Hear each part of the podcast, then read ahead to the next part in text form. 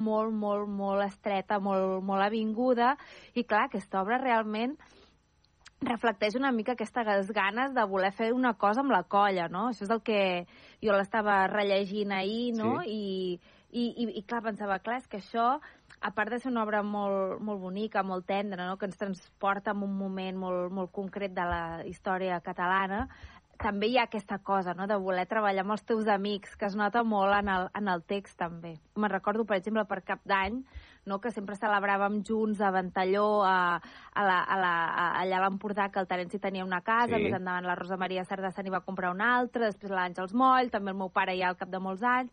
Fèiem els caps d'anys allà i era molt divertit, sempre doncs, xerraven de coses molt divertides, de projectes, d'obres de teatre, però no només això era la, la manera de parlar, no? Jo me'n recordo, per exemple, el Terenci i el meu pare, que es posaven els tovallons al cap de, de doncs, si érem en un restaurant o a casa d'algú i començaven a, a parlar com si fossin dones del seu barri, no?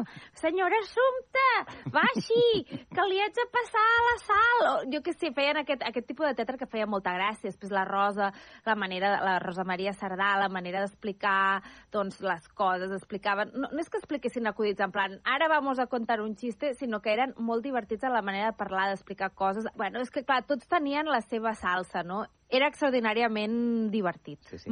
Eh, Aquesta era la família amb la que el meu pare Clar, se sentia bé. clar, clar, Això clar. que em preguntes de les festes, no? Sí, la, sí, família, la família seva, no? la família de sang, li feia una mica de mandra encara que fossin bona gent. Però amb aquesta gent és on ell se sentia com a casa. Clar, els no? amics, tant, la família que tries, al final, no? la família que tries, sí. Terenci Moix, que abans citaves, va tenir un paper en, en aquesta obra. Va, va, entenc Oh, que, que, que va fer-hi aportacions, no sé si fins al nivell de, de, de coescriptura. Aquí hi ha un... El, el meu pare va escriure un pròleg, que almenys està, uh, jo crec que és, no sé si la segona o tercera edició, que és la que tinc jo aquí al davant, Sí. uh, on ho explica, no? Però jo me'n recordo d'haver- d'haver-ho sentit parlar, que, que van començar a escriure aquesta obra junts, i el Terenci es va, es va refredar, però el meu pare re reivindicava que el Terenci n'era el, co, el coescriptor, no? I s'enfadava quan el Terenci deia no, que tu vas acabar fent tota la feina, que vas escriure tots els diàlegs. I el meu pare s'ofenia i deia no, que, que no t'agrada com ha quedat, que, com, com si, saps? Vull dir, cada, cada un anava per una banda, no? El, el Terenci, que sentia que el meu pare havia fet més feina i que, per tant, li tocava a ell i, eh, com reclamar l'autoria la, la, l'autoria de, de la peça, i el meu pare que s'enfadava perquè ell creia que, que l'havien escrit junts a debò i que li sabia com greu que el Terent... Li semblava com si se'n donés a menys, no? Eren molt divertits, eren, tenien uns, uns caràcters molt, molt diferents, no? El Terenci era molt desordenat, molt expansiu, molt imaginatiu, molt desinhibit i també molt, molt, amb molt poc control, no? O sigui, quan volia una cosa la feia i... Bé, això feia una persona molt, molt divertida i, i molt alegre, i el meu pare era al revés, no? Era molt controlat, molt ordenat, patidor, tot un altre caràcter, no? I llavors ells dos junts feien una parella còmica extraordinària. El pare, Josep Maria Benet i Jornet, va triomfar Sí. en el teatre, però sobretot en Sí. Pepito és el gran creador, el gran fundador del serial català modern, a la tele, a la I televisió. tant. Poble Nou. Nou, ni saga de poder al cor de la ciutat. Uh, Pepito, el somriure sobre el bigoti, que és el llibre de memòria sobre el teu pare que vas publicar quan ja patia Alzheimer, deies que ell Sí. tenia sentiments contradictoris amb el tema de la tele i els col·laboradors que el van fer més popular i amb el qual va fer més diners, no? Parlem en plata. Sí. Més diners que no Sí. passa amb el teatre.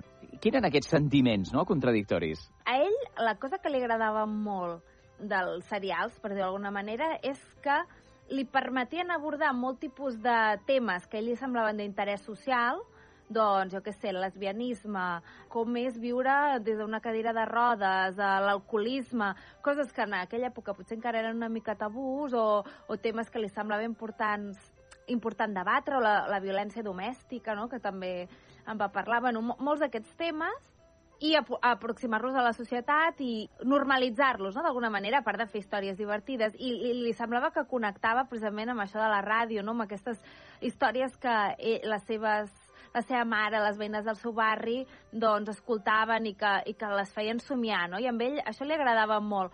Que el problema de la, de la tele i sobretot de la manera com treballaven en aquella època és que anaven a capítol diari i era un estrès horrorós i el meu pare, que era una persona molt nerviosa i molt mm, patidora, eh, clar, vivia com amb una mena de voràgine i de, i de histèria constant, saps? I llavors, clar, era, era dur.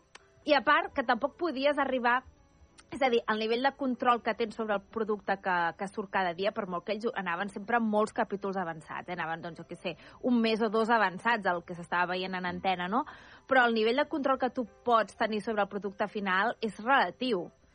Clar, tu no pots repassar i repassar i fer que quedi perfecte, no?, d'alguna manera, o, o perfecte segons els teus criteris, no? Mm. Uh, I llavors, clar, això el feia patir molt. O sigui, ell hauria estat feliç fent una sèrie d'aquestes que es poden fer avui en dia doncs amb un Netflix o aquestes sèries que fa TV3 ara que tenen el triple de pressupost mm -hmm. i el triple de, de temps i, i els, els guions estan extremadament cuidats, no? Està tot assajat. Clar, és una meravella. Jo a vegades ho penso, no? Dic, hosti, dic, amb el que ell hauria disfrutat. Ara m'està imaginant un The Crown a la catalana, creat per Benetis Jornet. Bueno, hagués estat... Clar, ell... Al·lucinant. Bueno, fanta... Total, però ell el que li agradava eh, era la... Ell el que tenia ganes de fer era una cosa de ciència-ficció perquè ell li encantava la ciència-ficció i tenia pensat una sèrie de ciència-ficció que, que no es va arribar a fer mai, però que hauria estat així més de capítols, saps, no, allò, 8 o 10, uh -huh. i Sí, sí. Bueno, en fi, és igual. històries. històries. Explicar històries. I anem acabant. Això ho has heretat sí. del teu pare, imagino. Hi ha el llibre que hem citat, però acabes de publicar sí. recentment la teva primera novel·la, Veus de paper. Sí, bueno, clar, això, és, bueno, això, això ha estat una cosa molt molt dura per mi, no? Acceptar que jo volia escriure quan el meu pare doncs, ha estat l'escriptor de la família, no? I, mm i jo crec que no és casualitat que jo comencés a escriure un cop el meu pare doncs, ja va començar a perdre ell la consciència, no? I el...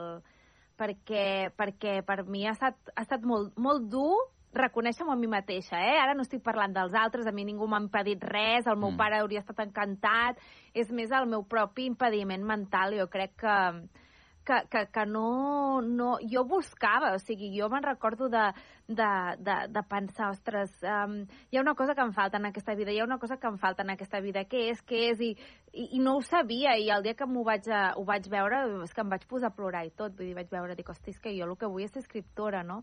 Va ser molt dur, va ser molt dur, perquè, perquè jo no volia fer el ridícul. Mm. Aquesta seria la, la paraula, mm. no? Jo no volia fer el ridícul, i ara doncs he acceptat que no passa res fer el ridícul, i que ser escriptor se n'ha de ser treballant i que potser algun dia escriuré un llibre bo i amb això ja estaré contenta. Carlota Benet, nosaltres estem contents que hagis participat en aquest radioteatre, en aquesta prèvia. Abans d'escoltar, farem el que podrem, eh? ja t'ho dic ara als companys de Ser Catalunya, amb, quan la ràdio parlava de Franco, aquesta obra de teatre del teu pare, de l'any 1979. M'agradaria acabar demanant-te, que ho farem amb tots els convidats, una, una, no ha de ser una Nadala tradicional, però sí alguna música, alguna cançó que et recordi aquestes festes. Sí, a mi m'agrada molt aquella de la banda sonora de Love Actually, que és molt de la meva generació de quan jo era joveneta, mm -hmm. i que em va, em va encantar, i ja sé que, bueno, estaria més bé fer una cosa catalana, però mira, aquesta a mi em posa bon humor quan la sento. Doncs Carlota Benet, filla d'en Josep Maria Benet i Jornet, gràcies i una abraçada forta. Gràcies a vosaltres i segur que ho fareu estupendíssimament. I, i, i moltes gràcies per recordar-vos el meu pare en un dia com avui de Sant Esteve. It's written in the wind, in the wind.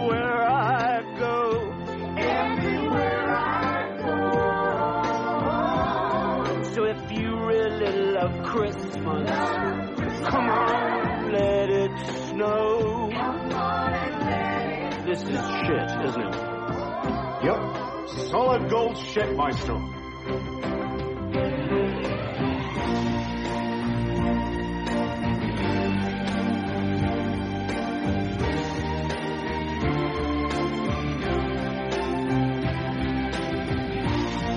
Voleu creure que hem trobat un espectador que a més a més és un home de ràdio, que va veure l'any 1979 al Romea l'obra de Benet i Sornet que avui sentireu d'aquí una estona al Radioteatre de Sant Esteve. Ell és catedràtic de Comunicació Audiovisual i Publicitat de la Universitat Autònoma, excompany d'aquesta casa, Armand Malcebre, com estàs? Hola, què tal? Moltes gràcies per invitar-me. Rai, tu per venir en un dia tan assenyalat. Et deixarem anar a temps perquè vagis amb la família a fer Molt els bé. canelons. No sé de què sou, per Sant Esteve, a Camp Balcebre. I ho incloem tot. O sigui que hem integrat totes les festivitats. Escolta, tu hi vas ser. Um, Tens record? Recordo, Diu. potser al principi, que era un principi molt auster, molt minimalista, on de sobte un aparell de ràdio sonava i eh, en silenci determinats sectors es movien i tot girava al voltant de la ràdio, la ràdio com un eix central, no? Mm. I, I això mm, jo crec que representava molt bé, il·lustrava molt bé aquesta audició comunitària que es feia als anys 40, 50 i fins i tot 60 al pati de molts edificis, no? on no tothom tenia aparell de ràdio, i qui el tenia a vegades simplement obria la finestra i deixava escoltar la ràdio per Clar. tot el pati. Tu, quan vas fer maig, ara en diuen de fer maig amb, amb la ràdio, perquè després t'hi dediquessis professionalment i com a element troncal de la teva feina d'investigació i de recerca a la universitat. La vida està plena de casualitats. No havia escollit la ràdio com el meu mitjà de preferència. Jo volia ser periodista i en aquell moment la referència d'un periodisme seriós i de qualitat el donava la premsa. Uh mhm. -huh. Però eh, un bon dia una antiga companya d'estudis, de, de COU, em truca i em diu, mira, eh, m'han ofert, a través d'una amiga meva, la possibilitat d'anar a treballar amb un senyor que treballa a Ràdio Barcelona. I he recordat que tu volies fer periodisme i que estaves matriculat a periodisme i, i aleshores potser a tu t'interessa. D'aquí va sortir una entrevista amb Joan Castelló Rovira, que era l'estrella, una de les estrelles locals en aquells moments, estem parlant de l'any 74, a Ràdio Barcelona, i eh, que tenia la necessitat de eh, substituir el productor que aleshores treballava amb ell perquè s'anava al servei militar, que era Ramon Fontbové que després s'ha dedicat a la ràdio, a la tele, va ser president del Consell de l'Audiovisual de Catalunya mm -hmm. i mm-hmm. moltes mm -hmm. altres coses. I així vaig entrar. I també, eh, això del Romea ara ho recordo, també bé perquè era molt sensible a que eh, si havies de parlar per un micròfon havies de tenir una veu mínimament treballada, no? Eh, I que eh, això m'obligava a mi un aprenentatge complementari. Vaig assabentar-me de que l'Institut del Teatre en aquell moment havia creat un curs de veu separat del curs d'interpretació que feia la professora Coralina Colom. Impagable, eh? la formació que vaig rebre durant els dos anys 78, no, perdó, 79 i 80. És a dir, que tot això coincideix en un moment en què eh, amb companys del curs de veu de l'Institut del Teatre, que eren tots actors, la Rosa Novell estava, la Mercè Managuerra, doncs amb, amb companys d'ells que eren actors i que volien aquesta formació complementària amb la veu, doncs això em va potser estimular més a implicar-me en el teatre escènic, mm. que ja havia viscut algunes coses de teatre radiofònic mm, compartint el, com, a, com a observador a algunes nits quan es gravaven els últims radioteatres que va dirigir Armand Blanc per aquesta casa. Mm. Armand Balcebre és un dels principals experts en llenguatge i història de la ràdio a Espanya i avui ens ajudarà, a partir d'ara, a recordar aquella època, quan la ràdio parlava de Franco, començant pel radioteatre.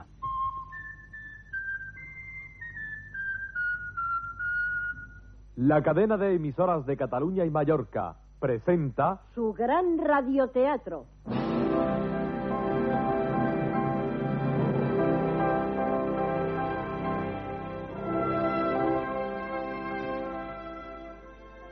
En transmisión conjunta Radio Popular de Figueras. Radio Mallorca. Radio Panadés de Villanueva y Geltrú. Radio Reus. Radio Uldecona. Y Radio Barcelona de la Sociedad Española de Radiodifusión.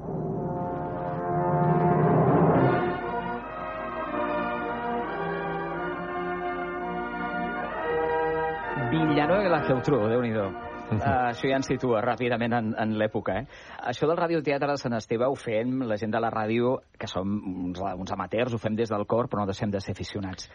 S'ha de dir que aquell radioteatre era molt professional. O sigui, aquestes veus eren grans, grans, sí, grans sí. actors, eh? Sí, sí. La missió setmanal de radioteatre va néixer l'any 41-42, dirigida per Armand Blanc, que havia estat l'any anterior dirigint només acaba de la guerra, el primer quadre escènic de Ràdio Espanya de Barcelona, l'antiga Ràdio Associació de les Rambles, i que el van contractar per entrar aquí a Ràdio Barcelona, i va estar fins l'any, jo crec que a- amb un quadre escènic estable fins l'any 69, però ell va continuar amb, amb, fent convocatòries esporàdiques a actors, que se'ls cridava una setmana abans, se'ls hi donava el guió, que se'l preparessin, venien en aquí eh, i eh, ja no es feia en directe, s'enregistrava, i després el realitzador, el muntador, doncs s'encarregava d'anar fent les mescles per, per, per tot, no? I, i realment van mantenir doncs, una, una gran audiència perquè la ficció eh, radiofònica té aquest poder màgic de transportar-te a, a un univers que no és el que tens al teu costat, i això eh, és la gran potencialitat de la ràdio. Per tant, eh, tenien impacte aquests, aquests ràdio... I, I per no parlar dels serials. L'època daurada del, de la ficció radiofònica són els anys 60. És l'època que hi ha grans patrocinis que permeten tenir un quadre escènic estable d'una vintena d'actors aquí a Ràdio Barcelona. Ben pagats. Mm. Ben pagats, no. La ràdio, la ràdio, Les coses com siguin. la ràdio no sempre ha pagat bé. El que passa és que molts dels actors vivien del doblatge. És a dir, aquesta doble militància entre el, la, la, el radioteatre i el doblatge els hi permetia venir a la ràdio per crear els seus propis personatges, perquè en el doblatge no creaven el seu propi personatge. Mm. Havien d'imitar el personatge que tenien a la pantalla, no? Mm, I mm, una gran majoria d'ells es dedicava al doblatge i, a més a més, doncs, venien a la ràdio. Uh, després hi havia una estructura també de guionistes, que també això és molt important. Quan la ràdio parlava de Franco, tot eren lloes al dictador, evidentment, i en cap cas les ràdios privades podien fer notícies. Tot era monopoli de Ràdio Nacional de Son Espanya. las 4 de la tarde, servicio informativo de Radio Nacional de España. El Ministerio de Marina ha anunciado convocatoria para cubrir 500 plazas en las especialidades de maniobra, artillería, radaristas, sonoristas, radiotelegrafistas, electricistas, mecánicos, escribientes, electrónicos, torpedos y minas. Torpedos, eh? Torpedo, el personal que devia mover torpedos, imagino, no ho sé pas. Informació de primeríssima necessitat, eh? La que oferia el, el, Sí, sí. el parte, bé, en aquest cas un butlletí. Que, que Eh, li dèiem al parte, perquè eh, aquesta, aquesta denominació ve de la guerra. Sí, que quan parte de guerra, Que clar. tothom esperava a les 10 i a les 11 de la nit, tant a la zona republicana com a la zona franquista, que tant Ràdio Nacional com les emissores de la Unió Ràdio, que després serà la SER, don, donaven el parte de guerra amb ferits, amb, amb morts, amb, amb la posició de, de com anava avançant la guerra, doncs, la, i, i la gent ja, a partir dels 40 i 50, doncs li va començar també a dir el parte, el, els butlletins de Ràdio I Nacional. com que no es podien explicar les misèries, les hores de ràdio anaven plenes d'entreteniment lluminós i els grans programes, carrusels, amb actuacions en directe, com aquest de la casa. Radio Barcelona lanza para usted un nuevo programa. Ritmo matinal. Recuerde, señora, recuérdelo usted. Radioscop, Radioscop, llega Radioscop. Radioscop, amigos, es actualidad. Radioscop, señora, es felicidad. Em poso jo ara a presentar el Tot és comèdia mig parlat, mig eh, cantat, i no sé si em tanca la barraqueta. De... És el, el Salvador Escamilla, amb el Radioscope. que el Salvador Escamilla era cantant, eh, formava part d'un duo, un trio, ara no recordo, i per tant li venia com a casa, no? I per això ell va estar molt vinculat eh, a través de les cases de discos que van promocionar molt la nova cançó, va estar molt vinculat amb els cantants de la nova cançó i que els incorporava com invitats als seus programes i va ser també un altaveu important per promocionar la nova cançó. Mm, Només per dir un nom, Serrat. Exacte. Doncs era un dels magazins, sí, un dels, aquí estem ja als anys 60. En aquell moment, l'estrella, la gran estrella eh, de Ràdio Barcelona era Joaquín Soler Serrano. I ell, doncs, mm, Salvador Escamilla, doncs, va començar a, a incorporar-se aquest món d'estrelles locals. Més per un públic jove, poder, no? O, o no, necessàriament? No, no necessàriament, perquè estem en, en un moment en què la ràdio no buscava un target concret, sinó buscava un públic familiar total, Mhm. i que això mm, els hi obligava a barrejar molt els continguts. I després l'ingredient de la música, que és un, un ingredient Uni intergeneracional. universal, totalment. Això sí, hi havia una ràdio molt orientada a la dona, al consultori.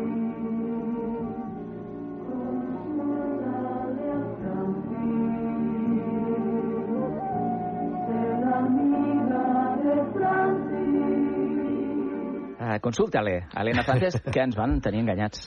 Sí, sí. Perquè eren, els, eren com els Carmen Mola, però de la ràdio. Eren senyors aquí al darrere. Sí, tu ho has dit, és el, el paral·lelisme més, més actual que podem tenir. Però que era natural, perquè la ficció impregnava tots i cadascun dels programes de la ràdio. Mm. Moltes vegades, quan es feia informació, a partir d'efemèrides, el que es feia era no recuperar la veu, no sé, de Winston Churchill, sinó un actor que interpretava Recreava. Winston Churchill. Tot i que en els primers programes, en els guions, quedava clar que era veu, veu, dos punts, el que havia de dir eh, l'Helena Francis, i que per tant era una actriu que interpretava el personatge d'Helena Francis i que la gent ho havia de veure així, perquè a més a més la, la, la senyoreta Garriga, que, havia, que feia el paper, uns minuts abans potser l'estaven sentint fent de Melania a l'adaptació que Antonio Lozada va fer el que el viento se llevó. Clar. És a dir que, mm, a poc a poc, mm, el, el, els guionistes i la gent va començar a identificar les dues coses. La veu és Helena Francis. Helena No interpreta el personatge d'Helena Francis. No? I així, a poc a poc, mm, es va acabar a, assumint que Helena Francis era cadascuna de les actrius que en les diferents èpoques ens parlava a través de la ràdio. I, el, el gran desencís va ser quan eh, l'últim guionista, Juan Soto Viñolo, als anys eh, 80, ja havia acabat el, el consultori, uns anys abans, doncs va fer un llibre de memòries on va descobrir Jo soy Elena Francis, o Jo fui Elena Francis. Doncs aquesta era la ràdio, algunes pinzellades de, de quan la ràdio parlava de Franco. Armand, està tot, està tot estudiat aquell període o encara creus que hi ha Sí, sí, perles per descobrir, àudios per recuperar? Per exemple, tot aquest programa l'hem preparat gràcies a en, en Xavier Sánchez, Xavi Sánchez, que és el guardià de la de l'arxiu sonor de Ràdio Barcelona, i em deia, per exemple, que un programa molt famós de Ràdio Barcelona de l'època, la comarca no es visita, hi ha poquíssimes, poquíssims enregistraments, se sap, eh, el format, les persones que hi participaven i tal, però, ostres, falten sí. aquells àudios. No hi va haver en el seu moment una gran preocupació per eh, documentar sonorament tota la memòria sonora de, de l'emissora. No? Així com sí que, mm, obligats per la censura, havien de fer una còpia del guió que es guardava en un magatzem i que nosaltres, a punt de, de ser llançats en unes escombraries, quan dic nosaltres em refereixo a la facultat, Sí? eh, vam recuperar i en aquests moments ja, ja, ja tenim digitalitzat. Qualsevol de les persones que ara s'està escoltant, si entren a internet, només posant guions Ràdio Barcelona, entraran en els guions des dels anys 20 fins a l'any 52, més o menys. Ja tenim digit digitalitzat tota aquesta banda. I, I allà pots veure des dels guions de Taxi Key, és a dir que... m- m- Però la font sonora no hi és. També perquè les cintes eh, eren molt cares i aleshores Mm. es volia reutilitzar la cinta enregistrant a sobre. No? Però jo crec que, bueno, hi ha perles. Una de les darreres perles és un dia que eh, un familiar de Jorge Janer, que va ser molts anys cap d'emissions de Ràdio Barcelona, troba en una casa que tenien al Pirineu una maleta i dins de la maleta uns discos, uns discos que van ser utilitzats l'any 34-35 per fer les primeres proves de gravació discogràfica, d'enregistrament discogràfic, no? I que això ho té ara la Biblioteca de Catalunya eh, i que allà podem veure doncs, des d'un butlletí, des de Unió Ràdio Madrid connectat amb Ràdio Barcelona Uh -huh. eh, sobre el que havia estat la crònica parlamentària, del, eh, una corrida de toros, eh, una, un un tràiler d'una pel·lícula que s'anava a estrenar, eh, fantàstic. i coses d'aquestes. Sí, sí, no? és història. Per tant, eh, així com en el seu moment es troben les fotografies de Capa, de Robert Capa de la Guerra Civil en una maleta, jo confio que algun dia tro que continuarem trobant coses. Doncs escolta, em creuem els dits, eh? Sí, sí. Seria absolutament emocionant poder tornar a sentir aquella ràdio. Que és sentir la nostra, la nostra història, eh? Per això, per això és tan important. Doncs, eh, podeu anar en pau, que diuen a missa, amb el cebre, perquè tenim celebracions, hem Sí, d'estar sí. amb la família, Sant Esteve, Sí, sí. els canelons i tot l'altre, però sí que m'agradaria, com estem fent amb la resta de convidats, demanar-te una música que et recordi el, el Nadal per, No és per escoltar. una cançó nadalenca, però és una cançó que jo a vegades escoltava per aquestes festes no, no sé per què, eh? perquè, però és una cançó que a mi m'agrada molt, que és Roxanne, i en versió acústica, si pot ser. I tant. La trobarem, segur. Armam el Cebre, catedràtic de Comunicació Audiovisual i Publicitat de la UAB. Moltíssimes gràcies A vosaltres. per haver tornat a casa teu. I que Tants vagi anys. molt bé tot. You don't have to put on the red lights. Those days are over. You don't have to say your body to the night.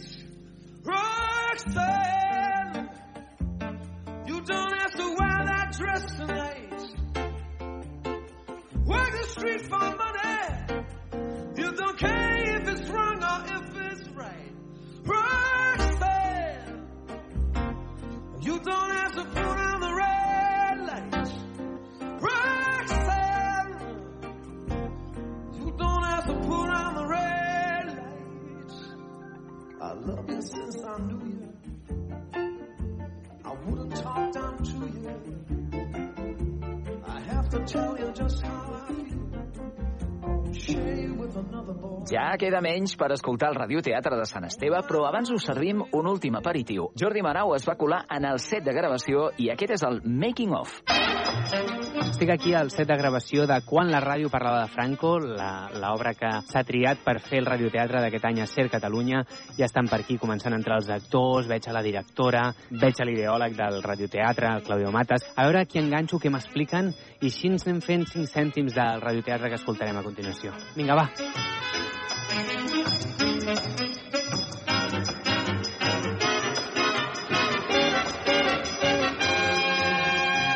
Directora del radioteatre, Eva Santolària, com estàs? pues aquí, a punt de començar. Molt bé, molt contenta. Coneixies la, aquesta obra del Benet i Jornet? No, la veritat és que no. És la teva primera direcció de radioteatre? La meva primera direcció ni de radioteatre i de tot. O sigui, estic aquí, però sigut, ara hem fet una italiana, que és una lectura del text, asseguts, tot. No? I, I jo crec que molt bé, m'ha sorprès molt. Sí, els veus bé, els, els actors? Jo crec que sí, i a més estan super acostumats i una cosa que, que, que és important, que és com el ritme, i m'han sorprès molt perquè ho fan superbé, o sigui que això està xupat. Quines directrius els has donat? Bueno, el, el pas del temps, el trobar quin és com, com fer perquè es noti que va pas, que el temps passa la vida, no? I clar, ho has de fer amb la veu, no? I aquestes, aquest pes dels anys, no? Que, que et dones una mena de pausa a l'hora de, de parlar, donar la joventut, donar la... O sigui, els trets dels personatges s'han de col·locar a la veu i això és el que és una mica, clar, més complicat perquè no tenen, no tenen l'ajuda d'un- d'un- d'una imatge, no tenen l'ajuda d'un vestuari que els hi pugui facilitar la vida. Tot és la veu, eh? Tot és la veu, aquí tot és la veu. Estàs preparada? De paciència, sobretot? Bueno, paciència infinita. Jo tinc moltes ganes, em fa molta il·lusió veure, a veure com, com queda. Doncs molta merda, Eva. Moltes gràcies.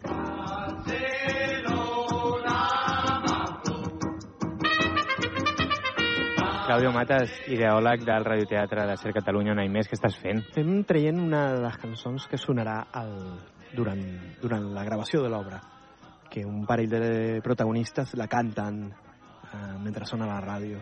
Veurem aquí cantar la gent de la ràdio. Sí, cantar una miqueta, com la gent feia al barri de Sant Antoni a Barcelona l'any 47, per exemple. I escolta, ara ho dèiem, no? Tu ets la persona que s'encarrega de decidir quin espectacle es representarà en el radioteatre de cada any. Per què l'has triat? Eh, és una manera de celebrar el centenari de, del naixement de Terence Moix, que va col·laborar amb el Benet i Jornet eh, escrivint aquest text sobre la vida quotidiana de Barcelona de la postguerra. T'he de preguntar pel càsting, quins patrons has seguit? El càsting sempre és molt complicat, hi ha molta gent que vol participar, és una forma d'anar una mica d'excursió als companys de la ràdio, tots junts, la gent d'esports, amb programes, amb informatius, i passar un dia una mica d'esbarjo jugant a fer, a fer teatre. I dintre d'aquest càsting, si tu fossis al Modóvar, aquí tenim la teva Penélope Cruz, que és Jordi Martí, que el tries cada any, és el, és una estrella de, de l'actuació. És el, la primera dama de, del quadre d'actors de Ràdio Barcelona. Té mala llet, eh? Però sempre t'agafa, eh? Sí, però el Claudio sap perfectament... Ell va triant els perfils i llavors va fotent... A la cuina, aquí està la cuina és el Claudio. Aquí qui ho manega tot és el Claudio. Me caso en dena i el tio és llargot. I què ens pots dir del teu personatge? És un mal... Un personatge d'època, eh? Saps, en aquella, en aquella Espanya de la postguerra, de la postguerra sempre hi havia algú, aquest caràcter autoritari, a vegades un empresari, un industrial o algun funcionari públic amb molt de poder i molt franquista, i que després sap fer la transició per seguir ben col·locat quan es mor Franco. Molta merda, Jordi. Gràcies.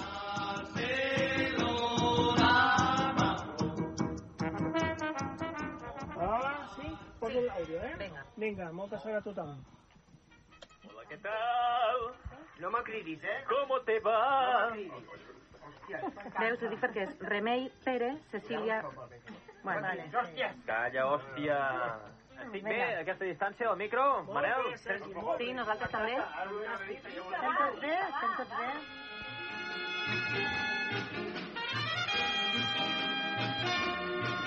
Marina Fernández, què tal? Doncs bé, eh? Primera experiència de radioteatre? La veritat és que sí, a més amb els papers una mica mullats perquè no he tingut gaire temps d'empapar-me del guió, o sigui que... I què tal? Doncs bé, mira, a mi em toca fer una mica el paper, el paper de, de la fresca, de torn, clar, ens hem de remuntar a, a l'Espanya franquista. Mm, clar, ara no li, no li diríem fresca, li diríem dona empoderada, no? I aquest personatge es diu? Es diu Lídia. I em sembla que cantes i tot. Te relalejo una mica amb la Puigvoltes. Sí, sí, sí, alguna cosa farem. Quines directrius t'ha donat l'Eva Santolària? Doncs mira, m'ha donat les directrius, jo soc, representa que sóc una, una dona viscuda que arriba a, a una finca de veïns eh, que, que no en saben gaire de la vida, no? Jo arribo amb, amb unes ínfoles i amb uns aires. Eh, seria la Carmen Lomana mm, de l'època, perquè ens entenguem.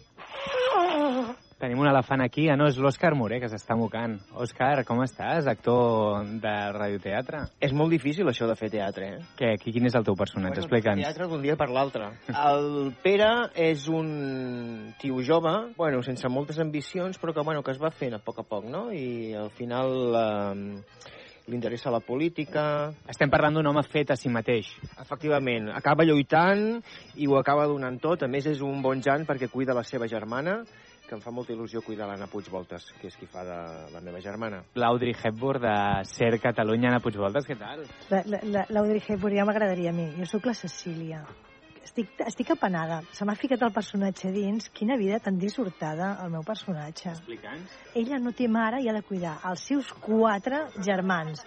I es va pensint, pensint, s'enamora, no li foten ni cas, i es queda una mica com la, com la tia Tula, sola, per vestir sants. Se li va passant l'arròs. Sergi Caballero, què tal? Què passa? Com estem? Un any més, eh, al radioteatre. Ets també, no com el Jordi Martí, que és un adepte absolut, però déu nhi eh? Bueno, perquè... Un Morgan Freeman, diríem. No, perquè em van donant moltes possibilitats d'anar repetint per aviam si sé fer bé d'actor. Quin és el teu personatge? Doncs jo sóc en Jaume, sóc un republicà convençut, força rondinaire, que sóc el que es dedica a repartir estopa de la bona al llarg de tota l'obra, però al final, els oients ja ho veuran, doncs eh, tinc un passat i surt a, surt a, a lluir i s'entén una mica més el meu personatge. Doncs després d'unes 5 hores ben bones de gravació, on hi ha hagut suor, riures, llàgrimes, una mica de tot, per fi està gravat el radioteatre d'aquest any, de quan la ràdio parlava de Franco, dirigit per Eva Santolària, i precisament aquí tenim a la directora. Directora, com ho has vist, això? Jo m'ho he passat superbé, o sigui, em flipa el que heu fet que sigui tan ràpid. Eh, eh, Heu anat superràpid i heu agafat el, el personatge i el to i el ritme, saps? Vull dir, no sé, ja, ho he dit diverses vegades, vull dir que en sèrio, eh, ens deixeu sense feina. al final. I ja per acabar, Eva, quina seria la teva Nadala preferida? Campana sobre campana y sobre campana una, asómate a la ventana, verás al niño en la cuna. Per què? Doncs perquè és una de les que cantaven els meus avis. Jo vinc de família, per part de pare són d'Aragó, de Zaragoza, eh, de Castejón de Monegros, de fet, i per part de mare de Jaén, un poblet que es diu Porcuna. Llavors, a casa meva, doncs, es, es cantaven cançons en, eh, bueno, en castellà, i una de les que cantaven els meus avis era aquesta. Campana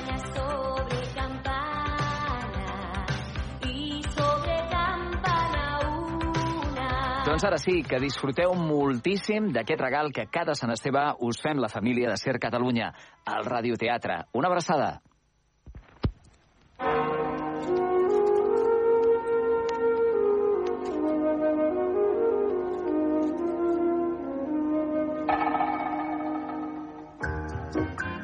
Ser Catalunya presenta Quan la ràdio parlava de Franco, de Josep Maria Benet i Jornet amb aportacions de Terenci Moix, amb direcció d'actors d'Eva Santolària i les veus de la redacció de Ser Catalunya.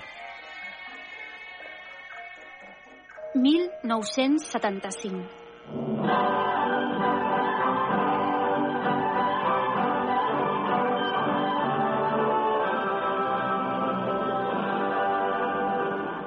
Día 21 de octubre. A través de los servicios informativos de la Dirección General de Coordinación Informativa del Ministerio de Información y Turismo, la Casa Civil del Jefe del Estado ha hecho público el siguiente comunicado.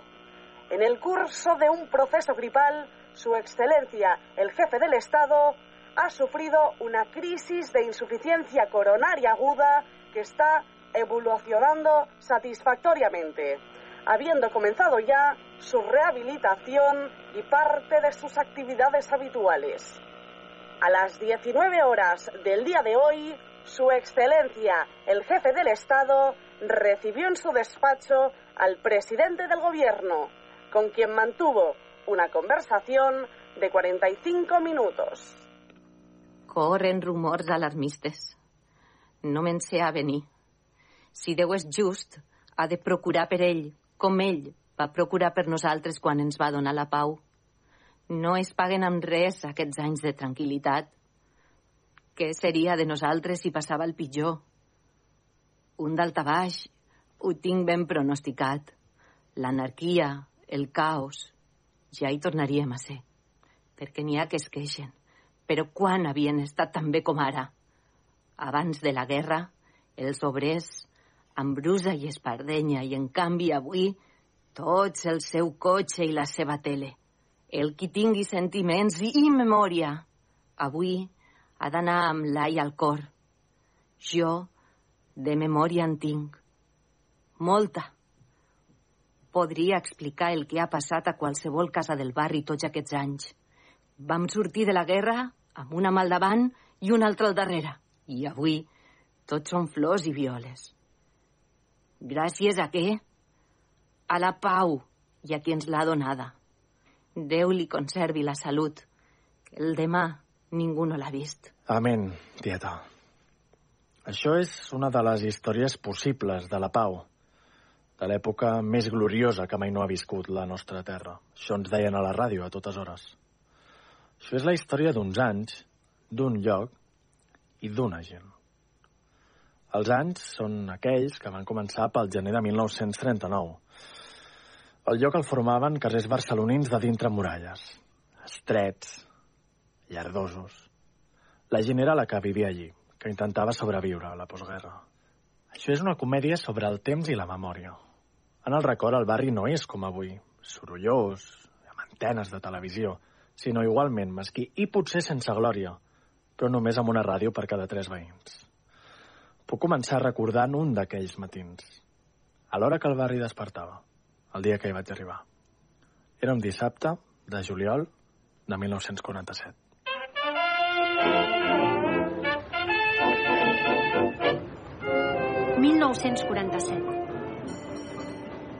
Façanes d'un carrer barceloní. Jaume, home jove però gastat, que cosseja, munta la seva parada de TVOs i revistes dins d'una escala. Remei, dona madura però fresca, obre la seva botiga de llegum cuit i parla amb una veïna que és fora del nostre abast. Cecília, noieta endreçada i patidora, i Pere, el seu germà, més tabalot, se senten i es veuen moure's dins el seu pis.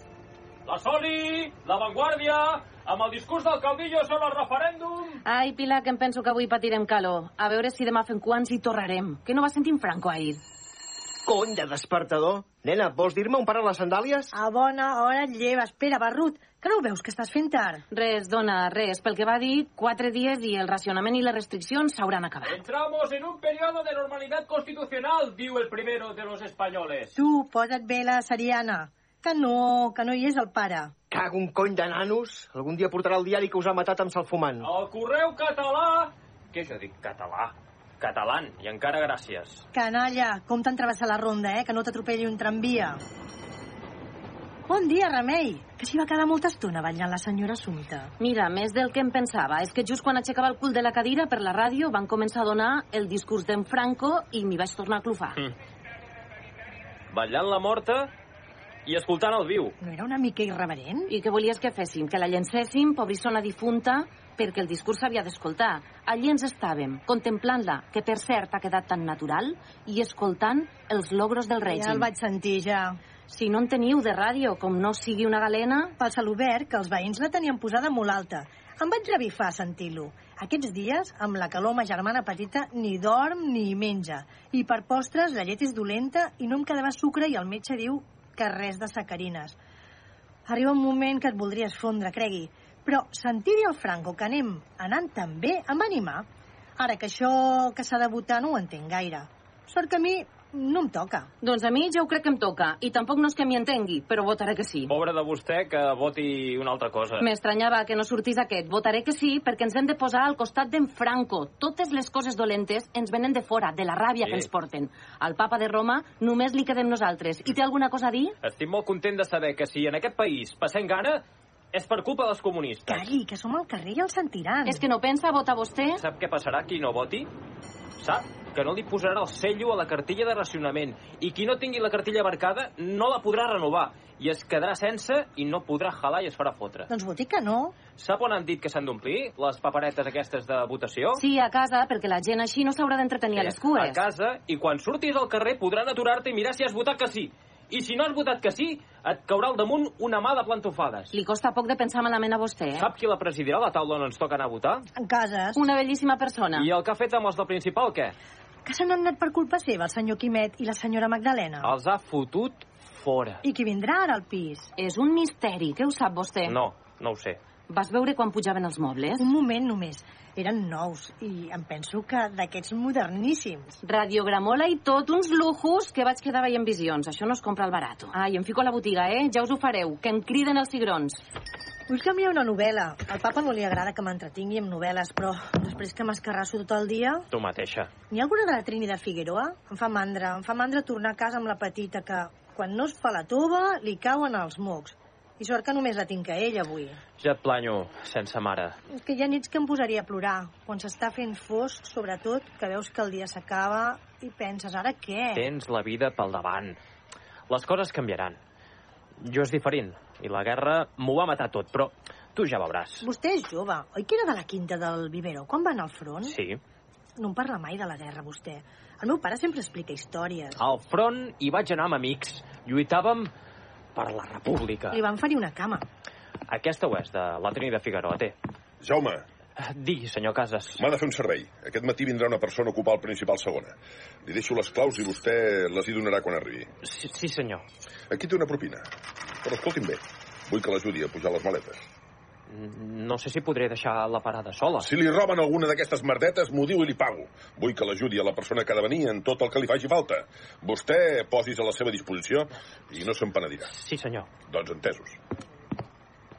Ara digues què hi feia, a dalt del pis. Com que és l'amo? Precisament. Per què se n'ha de preocupar dels llogaters nous? Mm, Només veure'l ja m'atabalo. Pel carrer arriba Feliu, duent una maleta de viatge. Sembla vacilar abans de ficar-se a la botiga de la Remei. Jesús, Maria i Josep, Cecília, Jaume, mireu qui m'ha arribat. És el meu nebot Feliu. Vine cap aquí, no et sàpiga greu que la teva tia et masegui una mica. Senyor, si l'última vegada que el vaig veure era un galifardeu. El teu oncle hauria estat tan content de tenir-te amb ell. Encara em caurà la llagrimeta. Au, va, tieta. Quina crescuda, però si ets un home! Vine, que et presenti els veïns. Perdoneu-me, eh? M'ha ben atabalat trobar-me-la al davant. I quan m'atabalo, m'atabalo. Ai, quina sorpresa. Viurà a dispesa a casa meva. I a Tatiana no li diu res o què? Tot m'ho ha de dir sola. Records, records dels pares. Acosta't, acosta't, que et presento en Jaume. Ell té la parada de TVOs. És un bon Jan, però no te'n refis gaire. Molt de gust. I aquesta és la Cecília. És la noia més maca del barri. No té mare. I ella sola cuida dels quatre germans. És una joia per a qui la trapi. Vinga, Remei, no faci tornar vermella la gent, home. No t'hi has perdut per Barcelona. Jo patia. Ja hi havia estat, a Barcelona. Entrem? Els qui sou de poble us negueu en un got d'aigua. És una eminència, eh? Ha vingut per acabar de preparar l'examen d'estat i si aprova, pel setembre començarà la carrera de no sé què. Filosofia i lletres. Ah, això. A casa seva són pagesos, però amb uns calerons. Ell es veu que vol fer de senyor de Barcelona, perquè tu al poble ja no hi tornes. Estic segura que et quedaràs. A més, has vingut en un bon moment amb això de Franco sí i Franco no. Demà, tots els ressentits que no s'acaben d'empassar la pau de Franco es faran retratar. I això què ve? Doncs la ràdio, que només fa que parlar-ne i m'exalta. Ai, Feliu, arribes en un moment molt important, eh? Recorda-te'n sempre. Me'n recordaré, me'n recordaré. De sobte, la vista dels quatre es dirigeix a un punt fora de l'escena. Entra una dona jove i elegant, amb barret, que es queda aturada un moment amb posat lleugerament cinematogràfic. Perdonin. Algú deu tenir les claus del meu pis? Vinc a viure al principal. Gràcies, eh? I me les voldrà pujar, eh, les maletes, quan arribin? Però que no l'heu vista. D'on ens ha sortit, això? Semblava ben bé un artista de cine. Em penso que duia mitges de vidre. No la coneixien? T'ha agradat, oi? S'ho portava amagat, el senyor Casas. S'ha d'anar a la diagonal per ensopegar una dona així. Maca no sé si ho és, eh? Però vistosa ja ho crec. Per mi que té un passado. Sabeu què us dic? Amb una dona com aquesta, en cases ja ha guanyat el referèndum.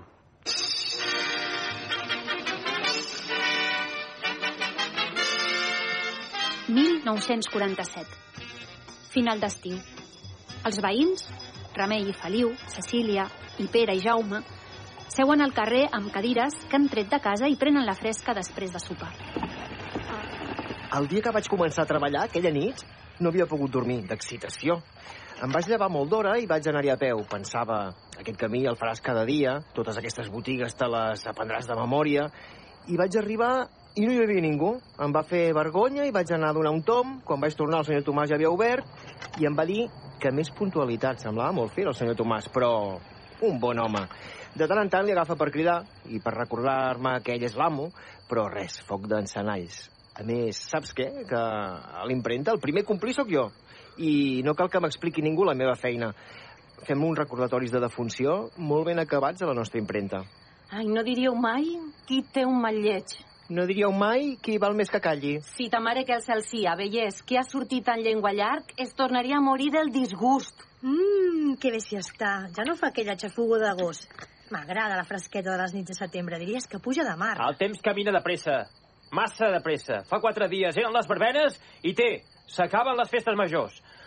Només deu quedar la de la Barceloneta. També deveu fer festa major al teu poble, no? Sí, per la Mare de Déu d'agost. Que a les set ja és fosc, com diu el ditxo. Ah, em pensava que ja em deixaries anar, que la Mare de Déu d'agost també té una angina de pit. I vostè un furúncul a la llengua, bretol.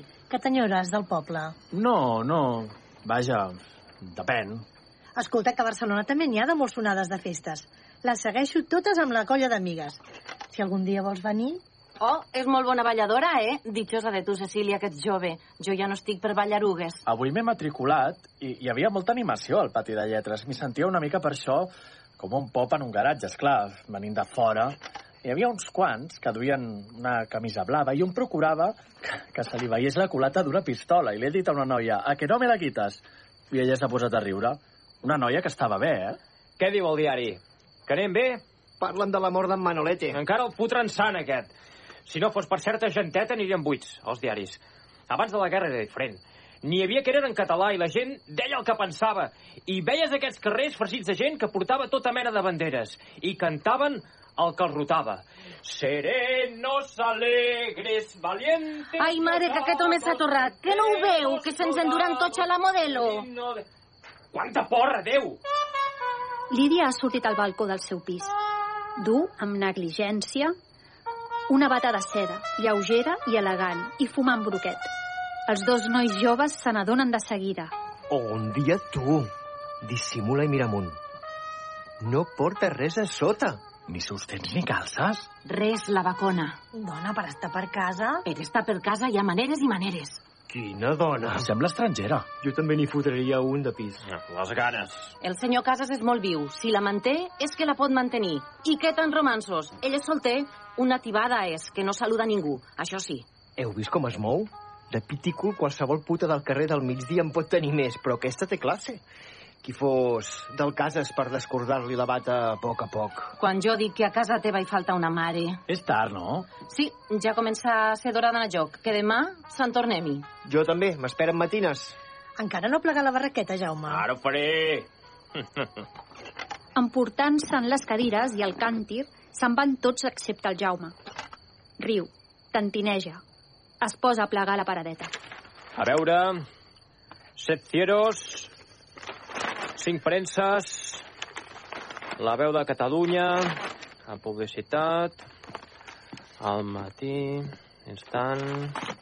Davant... Serenos y alegres, valientes y osados... Què estàs cantant? Què estàs cantant, mitja merda? Com pot ser que tinguis aquestes penques? Digues! Sóc un roig emboscat de merda. Deixi'm. Vols tornar a rebre? Vols tornar a rebre? Sóc un roig emboscat de merda, va, digue-ho! Sóc un roig emboscat de merda. Més alt! Vull que et sentin fins l'últim racó del barri, va! Sóc un roig emboscat de merda. Sóc un roig emboscat de merda. Jo podria denunciar-te i et cauria un paquet, però no cal, perquè em fas llàstima. Em feu pena. Tu i les quatre rates de claveguera que, com tu, us amagueu pel país.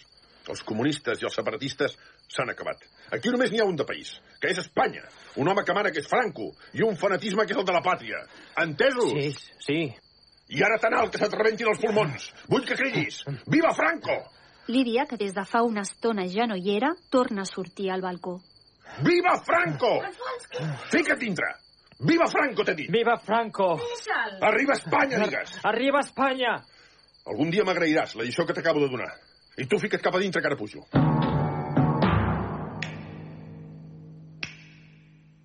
«1948». Estàs contenta? Em tornaré d'espentinar. I què? Coi de restriccions.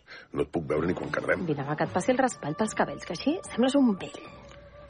Va, ves que et bombin al fons i si no em ve de gust. Qui mana aquí? Tu què creus? A vegades em venen gelos. Tens gelos dels teus diners, et fa por que me'ls destini més que no pas a tu. Escolta, mira, m'agraden els homes una mica fets. I també m'agrada que trepitgis fort per la vida. Però encara que aquest pis sigui teu, la mestressa sóc jo. A veure, va, digue-ho. Què vols que et digui? Digues, sóc un animal. Sóc un animal. Tu ets l'única que mana en aquesta casa. Ets l'única que manes aquí. Un petó, què fem? No res. En què quedem? He d'anar-me'n. I per això em buscaves M'esperen per sopar, m'esperen per sopar. No havia vist l'hora. Porta'm amb tu a sopar. No, si parlar de negocis i no hi haurà dones. Si les coses surten bé, et prometo un bon regal. El que tu vulguis. Podria ser que m'ampliessin la llicència. Molts regals, però tancada i avorrir-me. I la gent al barri que em mira de reull. Mm, Ves al cine.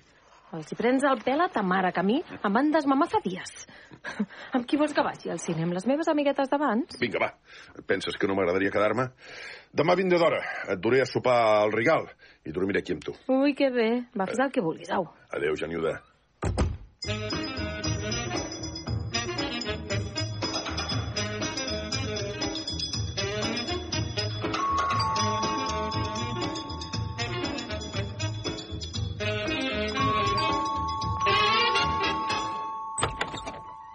nit. Ai, que, que et destorbo. Esclar que no. Que tindries una mica de sol, és que se m'ha acabat. Passi, passi, no es quedi aquí. Que si li destorbo me'n vaig, eh? Estic sola. Té pressa? Per què no seu una mica? Aquestes restriccions... És que uf, no sé com ho he fet per quedar-me sense sal. Clar que qui ha de pensar sóc jo, perquè els altres germans o són menuts o treballen. El Pere el tenim col·locat en una impremta petita. Jo veig que no hi té per vindre, i aquestes empreses diu que no són segures. Algun dia haurà de canviar. Clar que si no té padrins... mm, Oi que el seu... eh, Oi que el senyor Casas té participació en una fàbrica de llibres? Que vol que li parli del seu germà, l'Alfons? No, no, no, no volia pas dir això. Ho faria? Si realment no corre pressa, prometo que faré el que pugui. No s'ho pren malament, eh? Em sembla que he xerrat massa. Estic molt contenta que hagi vingut. Mm, M'agrada molt. Què? El pis és que no n'havia vist mai cap de tan bonic. L'he posat al meu gust. Té molta pressa? Prendrem alguna cosa? Una espurna de moscatell, pastetes de te... Pastes de te? M'ha d'explicar moltes coses. Aquest xicot, en Feliu, és de les poques persones del barri amb qui he xerrat alguna vegada. Parla molt bé de vostè. Som amics. Va, no es posi vermella. Per cert, digui-li que quan vulgui pugi a remenar a la meva llibreria per omplir-la. L'Alfons va comprar els totxos més grossos que va trobar, però n'hi ha que tenen moltes estampes de monuments i coses així. El Feliu deia que potser li aniria amb ell, no sé per quina signatura.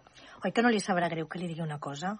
És que quan passa pel carrer se la veu tan senyora que no me l'imaginava simpàtica com és. De debò, que se'n veu senyora? Si sóc molt jove, però és que he viscut molt. Per l'edat ens hauríem de tutejar, vostè i jo. Ui, no sé si me'n sortiria.